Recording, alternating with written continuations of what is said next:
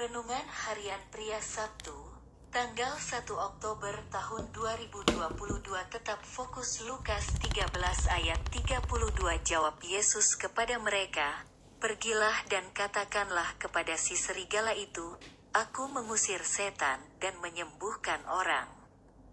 Pada hari ini dan besok, dan pada hari yang ketiga aku akan selesai.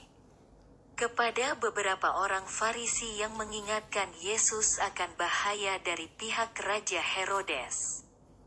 Ia mengatakan bahwa Yesus tidak terpengaruh akan bahaya dari pihak Raja Herodes. Mengapa? Karena Yesus selalu fokus pada panggilan dan tugas yang dipercayakan oleh Bapa kepadanya.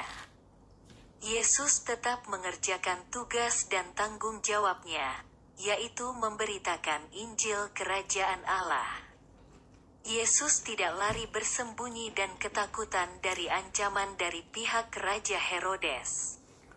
Yesus mengetahui bahwa tidak ada apa pun atau siapa pun yang dapat menghalanginya untuk melakukan kehendak Bapaknya.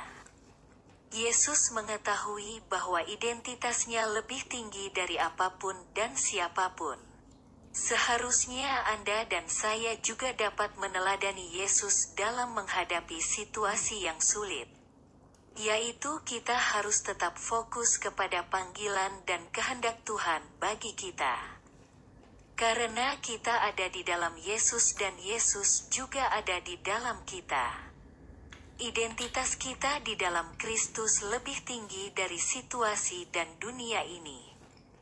Tidak akan ada yang dapat memisahkan kita dari kasih Kristus yang melimpah di dalam kehidupan kita. Sebab aku yakin, bahwa baik maut maupun hidup, baik malaikat-malaikat maupun pemerintah-pemerintah, baik yang ada sekarang maupun yang akan datang, atau kuasa-kuasa, baik yang di atas maupun yang di bawah, ataupun sesuatu makhluk lain, tidak akan dapat memisahkan kita dari kasih Allah yang ada dalam Kristus Yesus Tuhan kita, Roma pukul 8.38 minus 39. Marilah kita tetap fokus mengerjakan panggilan dan tugas yang dipercayakan Bapa kepada kita.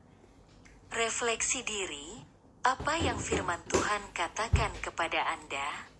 Bagaimana kehidupan Anda dengan firman Tuhan itu? Catat komitmen Anda terhadap firman Tuhan itu. Doakan komitmen Anda itu, pengakuan iman.